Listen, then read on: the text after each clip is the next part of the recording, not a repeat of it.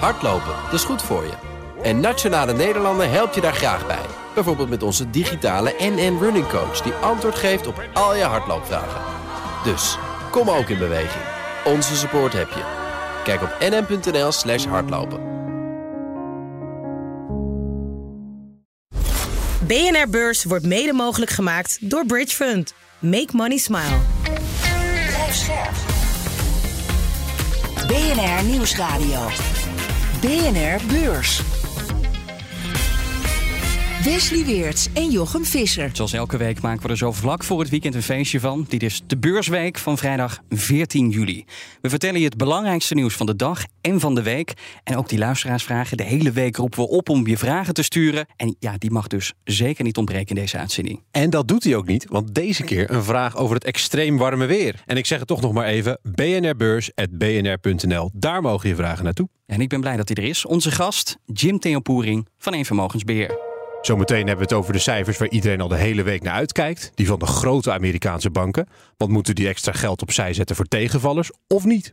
Dat is zo, maar eerst ander nieuws. Dat van uh, laadpalenbedrijf Fastnet, want dat wordt ook in Denemarken actief. Tot nu toe zat het nog helemaal niet in Scandinavië, terwijl dat toch de Europese regio is met de meeste elektrische auto's op de weg. Dat wist ik ook niet, maar dat stond in het persbericht. En de CEO die zei daarin ook dat die uh, Denemarken en die uitbreiding daarvan in ieder geval als een grote mijlpaal ziet. En het komende jaar worden daar drie laadstations van Fastnet geopend. Wat ik persoonlijk verwacht, is dat uiteindelijk voor een partij die bijvoorbeeld al heel veel tankstations langs de weg heeft, uh, laten we zeggen een Shell, Ja. best wel interessant kan zijn om die hele infrastructuur over te nemen en dat beleggers dan worden beloond. Want ja, vooralsnog blijft het echt een diepte-investering. Ja, ik denk niet dat het Shell wordt, maar daar gaan we straks nog eh, verder over. Ik denk het ook niet op basis eh, van wat we straks gaan bespreken. Maar we blijven in Scandinavië bij twee telecomrivalen om precies te zijn. Ik heb het over Nokia en Ericsson. Die twee bedrijven waren ooit groot in het maken van mobieltjes. Dat kun je nu Eh, niet meer voorstellen. Nee, want nu verkopen ze apparatuur zodat wij met z'n allen op dat supersnelle 5G-netwerk kunnen zitten. En ze hebben nog iets gemeen. Beide bedrijven zagen de koersen in elkaar zakken vandaag. Komt allemaal door tegenvallende resultaten en zelfs een omzetwaarschuwing. Nokia en Ericsson zien in bijna alle markten de vraag flink terugvallen. Eh, ze dachten dat de vraag dit jaar wel weer toe zou nemen, maar het ziet ernaar uit dat dat pas volgend jaar wordt. En dus nemen beleggers alvast hun verlies. Na een reeks faillissementen lijkt de bankencrisis voorbij. Maar de hoge rente dreigt nu weer voor problemen te zorgen. Want steeds meer klanten kunnen hun schulden niet meer aflossen. En daardoor moeten de stroppenpotten van banken flink worden aangevuld. They're expected to show their biggest jump in loan losses since the beginning of the pandemic. Dat voorspelde de Financial Times begin deze week. En zojuist kwamen de eerste Amerikaanse grootbanken met hun cijfers. Het gaat om JP Morgan Chase, Citigroup en Wells Fargo. Ja, Jim, laten we even met die probleemkredieten beginnen. Leningen die dus niet meer worden terugbetaald.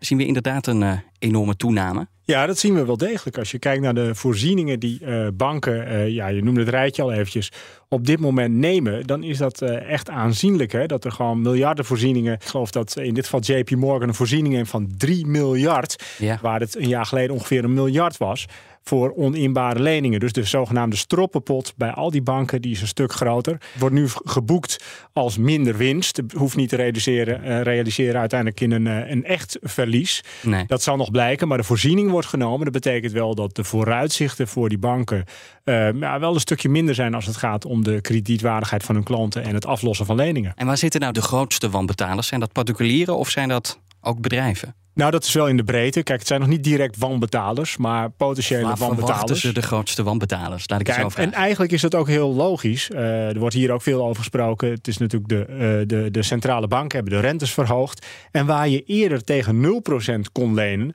betaal je nu 5, 6, 8, 9 of wel 10% over zo'nzelfde krediet. Mhm. Ja, en tegen 0% rente kan ik oneindig veel lenen en ook de rente voldoen. vroeg net ook naar bedrijven. We hebben het eh, nou, in deze uitzending vaak over ook vastgoed. Dat is toch ook een zorgenkindje. En vooral eh, die eh, kantorenmarkt die heeft het moeilijk. En veel leegstand, hypotheken die duur zijn. Zie je daar dan ook dat leningen nu niet meer worden betaald? Of dat daar de verwachting is dat die leningen straks niet meer betaald worden? Ja, daar zit vooral de verwachting en daar zit ook meteen een heel groot risico. Want enerzijds heb je al een stukje leegstand, hè, dus een stukje minder inkomsten.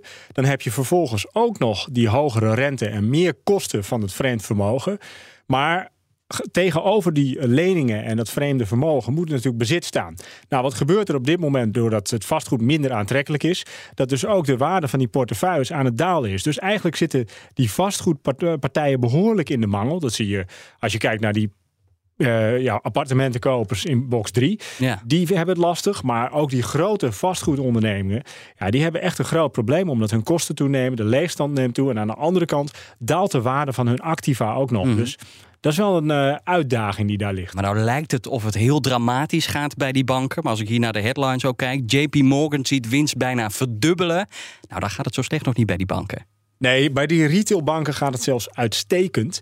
Eh, als je kijkt naar de, naar de winst, die stijgt 30, 40 procent. De omzetten zijn extreem gestegen. Dus de koersreacties zijn heel positief. En het komt met name omdat in het rentebedrijf, ja, daar wordt veel geld verdiend. Want ja, die rentemarges zijn ineens weer aanwezig. Ja, dus rente is en een probleem, maar vooral ook gewoon een heel groot voordeel.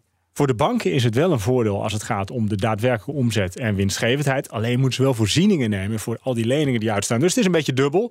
Maar als je onder de streep op dit moment kijkt, doen banken het gewoon heel goed. Toch zagen we de afgelopen tijd ook dat spaarders hun geld wegtrokken bij banken om uit te geven of omdat ze ergens anders meer rendement kregen, die money market funds en dergelijke. Zet die trend ook door? Kijk, als je ziet wat, wat op dit moment gebeurt, is het, eh, nou ja, het bewegen van gelden, dat is wel in volle gang. Dus uh, ik denk dat je het ook al ziet in de, uh, bij de retailbanken, dat mensen weer bereid zijn om eigenlijk risico te nemen zonder dat ze misschien over nadenken. En dus bij ja, misschien wel minder uh, solvabele partijen hun geld uit te zetten. Want dat is eigenlijk wat je als uh, particulier altijd in het achterhoofd moet houden. Als je ergens 2% rente krijgt, dat is niet voor niks. En dat is alleen maar omdat die partij geld nodig heeft en ja, iets meer moet betalen dan bijvoorbeeld een ING. Uh, ondertussen is er nog iets anders waar banken hun geld aan verdienen. Fusies en overnames. Ook weer gevolg van de gestegen rente. Dat ging allemaal wat minder. Uh, wanneer wordt daar weer wat geld verdiend? Want we zien City daar nu uh, best wel het schip mee ingaan. Ja, City die, uh, nou ja, het schip, hè, het, het, gaat wat minder. Hè. Ze maken, de, de, omzet is een beetje vlak, de winstgevendheid vlak. Maar als je het afzet tegen JP Morgan, dan, dan gaat het gewoon een stuk minder bij City. En dat zul je waarschijnlijk zien bij al die zakenbanken, bij die investmentbankers. Er is daar minder activiteit. Nou, dat hangt toch allemaal weer een beetje met elkaar samen. Want op het vlak van fusies en overnames is het gewoon stil. Nou, hoe komt dat? Als je een overname doet, vaak heb je dan wat vreemd vermogen nodig. En dat vreemde vermogen is duur. De rente is hoog, dus je moet extra rente betalen. En ja, daar uh, zijn investeerders op dit moment wat minder uh, happig op. Er komen nog heel wat meer bedrijven met cijfers. En daar staan we uiteraard bij stil. Want wat voorspellen die banken voor de rest van het seizoen? En op welke bedrijven en sectoren moet je extra scherp zijn? Nou, we vragen het zo meteen aan Jim en dan krijgen we dus antwoord. Maar eerst is het tijd voor... BNR Beurs. De luisteraarsvraag. Deze keer niet opgenomen, maar wel uit België, van Onno. Hij ziet verzekeraars het goed doen met de hogere rente. Maar ook in België zien ze dat het vaker stormt, heter wordt, dat de rivieren droog liggen. Dus Jim, Onno wil weten... Welke verzekeraar is het best bestand tegen klimaatverandering? Uh, neem even een ASR. Die is uh, zeer bezig met verduurzaming, met klimaat. En richt daar ook de organisatie dus echt op in. Dus als je dan zou zeggen van ja, wie is daar het meest mee bezig? Dan is dat wat mij betreft absoluut ASR. En dat is misschien ook wel het antwoord wat ik aan Onno zou willen geven. Ja, als er één verzekeraar bezig is met klimaat, dan is het ASR.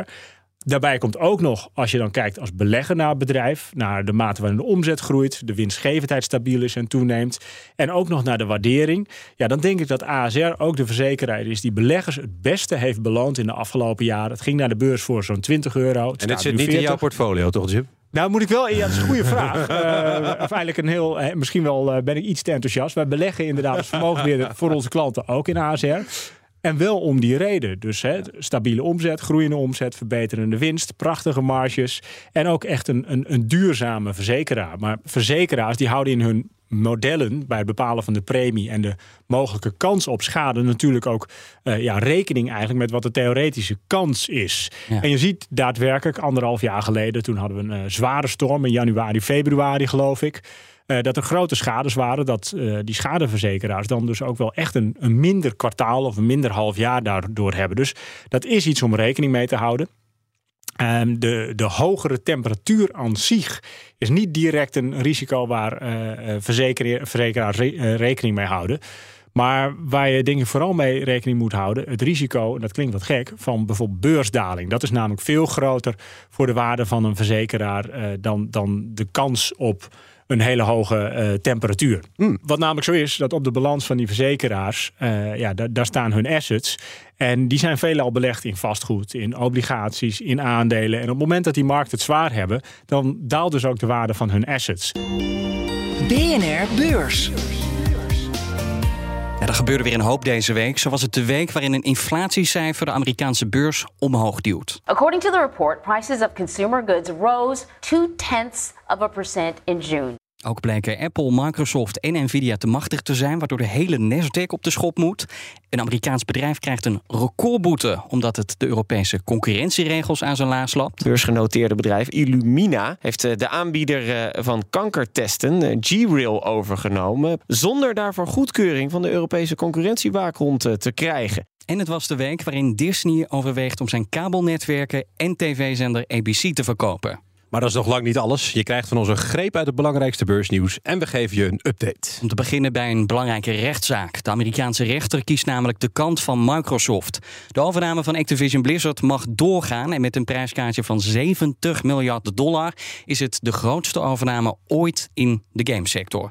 Maar ja, de champagne die kan nog niet worden ontkurkt, want toezichthouder FTC die de rechtszaak aanspande, die laat het er niet bij zitten en gaat in beroep. Ja, dus Jim, gaat die overname nou wel of niet door? Nou, als je kijkt naar de koers, dan gaat hij door, want die won 10%. Staat inmiddels op uh, zo'n 91 dollar en bot ligt op 95. Maar beleggers die moeten heel lang al geduld hebben. Want uh, dat wel. volgens mij gaan we terug naar uh, januari 2022. Ja. Toen maakte Microsoft wereldkundig dat ze dus inderdaad dat bot deden van 95. Nou, die koers die sprong toen van 65 in één keer omhoog naar uh, ruim 80 dollar. Dat is anderhalf jaar geleden. En sindsdien uh, is het wachten op de overname die behoorlijk gedwarsboomd wordt. Want het is niet alleen de FTC die dwars ligt. Ook de Britse toezichthouder die ja. ligt dwars. Want ja, hè, uh, op het moment dat Microsoft Activision Blizzard koopt... dan zet het misschien Sony met zijn PlayStation wel weer buitenspel. Dus ja, er is dan niet meer echt een level playing field. nee, en dat is ook de kritiek van de FTC ja. in, in dit geval. Nou wordt er de hele tijd gesproken over een deadline. Een ja. deadline van 18 juli. Laten we eerst even beginnen. Waarom is die deadline zo, zo belangrijk? Nou, op een gegeven moment, he, je, je, maakt bepaalde afspraken en zegt dan willen we de overname afgerond hebben. Ja. In dit geval heeft Activision Blizzard eigenlijk dat als deadline gesteld richting haar aandeelhouders ook, zodat die ook bepaalde zekerheden hebben. En op het moment dat die deadline niet wordt gehaald, ja, dan moet Microsoft 3 miljard betalen aan Activision Blizzard. Dus ook als het nog wel het voornemen heeft om het over te nemen, alleen die deadline niet kan halen omdat de FTC dwars ligt. Ja, maar, er is natuurlijk een maar. Op het moment dat zij nieuwe afspraken maken. Uh, en bijvoorbeeld zeggen van nou, we hebben in goed overleg besloten die deadline een half jaar te verschuiven. Ja, dan hoeft die uh, overname, uh, het kan gewoon nog plaatsvinden zonder dat die boete betaald wordt. En laten we wel wezen, als je nu kijkt naar de koers van het aandeel. Activision Blizzard op 91 dollar. Ja, die belegger die hoopt dat het 95 wordt. Die verwacht ook dat het 95 wordt. En die is daar uiteindelijk ook het beste mee af. Ja, en jij verwacht ook dat die deal dus uiteindelijk wel doorgaat. Ik denk het wel. Uh, kijk, uh, FTC heeft nu een kleine uh, tegenvaller gehad. die hebben ook gezegd van ja, onder bepaalde voorwaarden willen wij de deal wel goedkeuren. Hetzelfde geldt voor de Britse toezichthouder.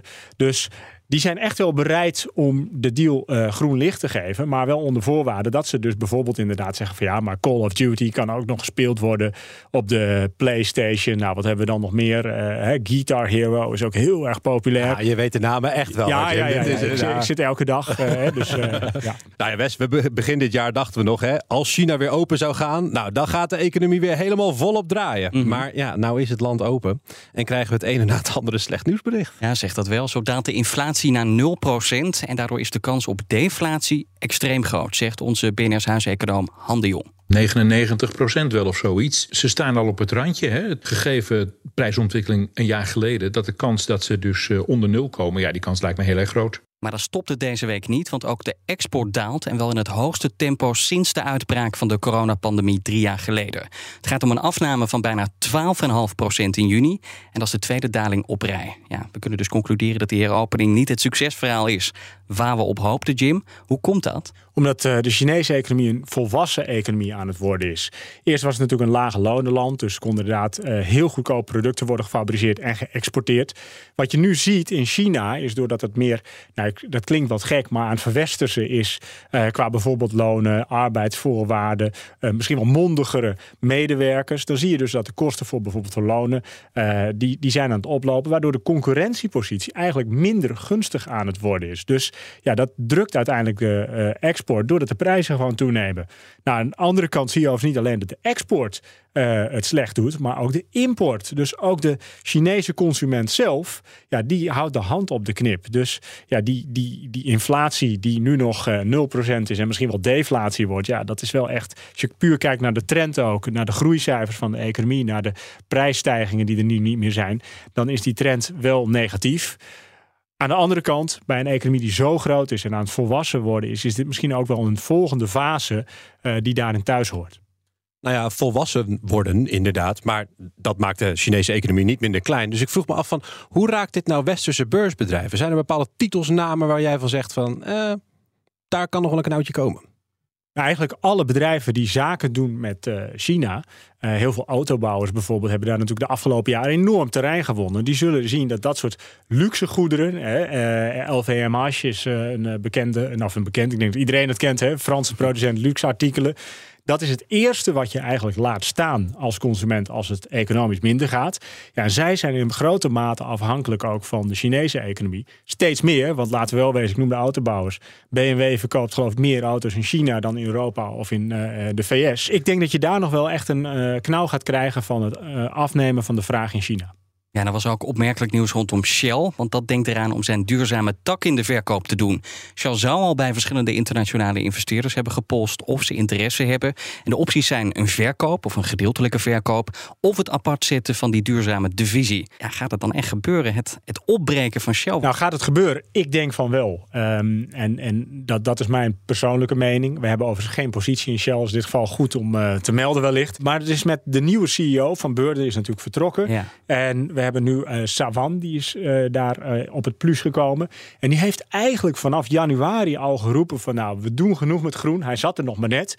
We gaan nu weer gewoon geld verdienen.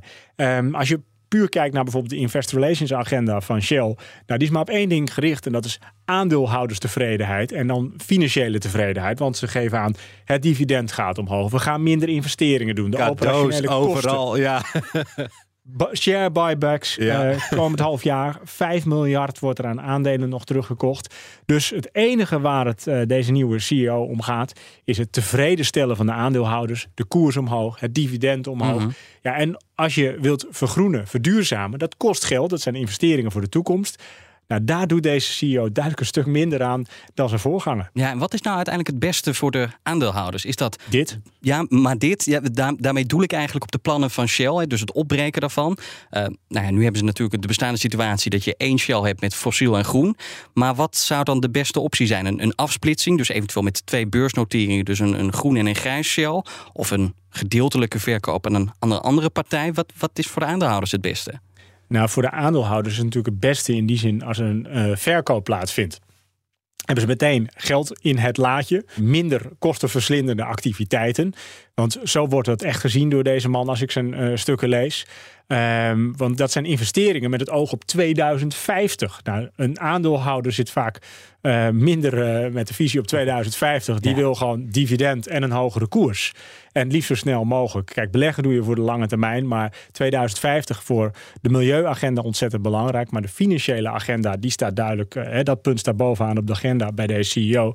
En dan is gewoon een verkoop, het afsnijden van de tak, beter.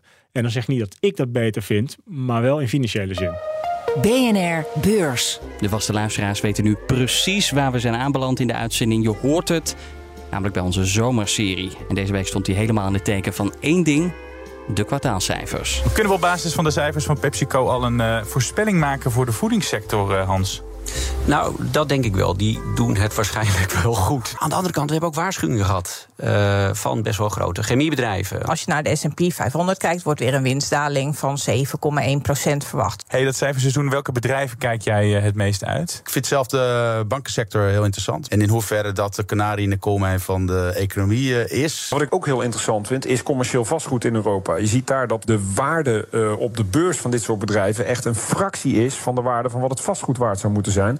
En dat vind ik heel interessant. Vandaar dat ik met extra veel aandacht naar die kwartaalcijfers ga kijken. Je hoorde de analisten die deze week bij ons te gast waren in BNR Beurs. We hadden het net al over de banken en die vertellen ons uh, ja, iets over hoe, hoe de economie ervoor staat. Uh, we hadden deze week ook over PepsiCo. En ja, daar zagen we dat consumenten maar geld blijven uitgeven, ondanks al die prijsverhogingen die ze doorvoeren. Dit wetende, wat voorspelt dit nou voor de rest van het cijferseizoen? Nou, de cijfers die we vooral hebben zijn natuurlijk de banken. En ik denk dat die de positieve vreemde eend in de bijt zijn.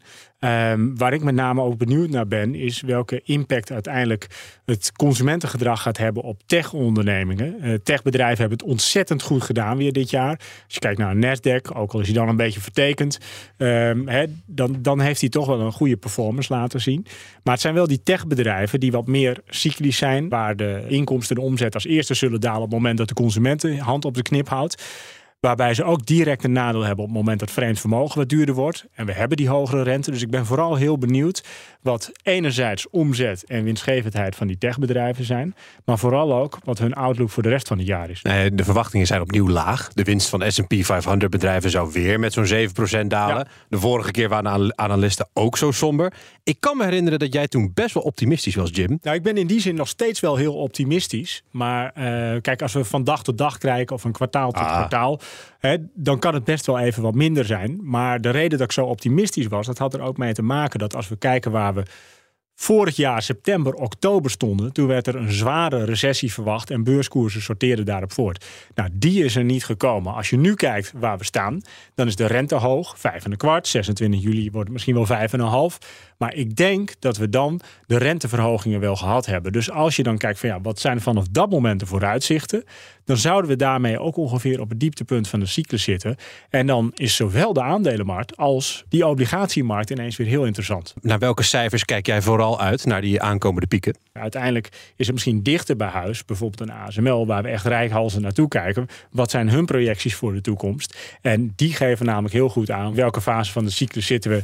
En mogen we terecht positief zijn of moeten we uh, misschien onze mening bijstellen? We hadden het deze week ook over die Europese aandelen. Verschillende analisten gaven ook aan van ja, ik ga daar extra op letten. Ook vanwege de prijs van ja. Europese aandelen. Is dat voor jou nog een extra reden waarom ja, deze aandelen dan interessanter zijn dan die Amerikaanse? Nou, nu zijn Amerikaanse aandelen altijd, altijd duurder geprijsd dan Europees. Maar die korting is nu volgens mij het is een recordkorting. Klopt, klopt. Als je nu kijkt uh, en je zet het af in de grafiek, de, de, de, de price-earnings verhoudingen van de S&P tegenover bijvoorbeeld uh, de Eurostox 50, ja, dan is het nog niet zo goedkoop geweest eerder uh, dan nu. Nou, als je daarbij ook nog verwacht dat de dollar nog wat verder zou kunnen afzwakken, dan is het echt wel een heel uh, valide reden om meer te investeren in Europese aandelen. De vrijdag is voorbij. Hoogste tijd om even vooruit te blikken op de cijferstorm volgende week. De kop is eraf, maar deze week schiet het cijferseizoen pas echt uit de startblokken. Te beginnen met het Nederlandse TomTom, het Scandinavische Nordea en Rio Tinto, een van de grootste mijnbouwbedrijven op aarde. En dat is slechts de eerste dag van de week. De rest van de week komen cijfervreters ruim aan hun trekken met een blik op alle sectoren die je maar kan vinden. Van Volvo tot Ubisoft, van Flow Traders tot Beter Bed, van ASML tot Morgan Stanley. Kies uw favoriet. Tot slot voor de macro-economen onder ons. Opeens maakt iedereen zich zorgen over deflatie in China. En dus is het een goed idee om even te kijken naar de maandelijkse persconferentie over de economie die deze dag plaatsvindt. Veel plezier deze week. We kunnen weekend gaan vieren. Dankjewel, Jim Theo Poering van 1 Vermogensbeheer. En jij gaat op vakantie, hè, Wes? Ik ga op vakantie. Ik ben er drie weken tussenuit. Maar BNR Beurs gaat uh, gewoon door de hele zomer lang. Maandag sta jij hier samen met uh, Jelle. En dan ga ik lekker luisteren vanuit mijn uh, hangmat. Ach nee, moet ik het weer met Jelle doen? Ja. Oh nee. ja, dat denkt hij misschien ook van jou. ja, dat... Uh, laat... Jelle, als je luistert, ik wens je nog heel veel plezier totdat wij elkaar weer zien. nou, in ieder geval, fijn weekend. En uh, luister vooral naar Jelle en Jochem aanstaande maandag. Want dan zijn we er gewoon weer met een nieuwe BNR-beurs. Tot maandag. BNR Beurs wordt mede mogelijk gemaakt door Bridge Fund. Make money smile. Business Booster. Hey ondernemer, KPN heeft nu Business Boosters. Deals die jouw bedrijf echt vooruit helpen. Zoals nu, zakelijk tv en internet, inclusief narrowcasting... de eerste 9 maanden voor maar 30 euro per maand. Beleef het EK samen met je klanten in de hoogste kwaliteit. Kijk op kpn.com businessbooster. Business Booster.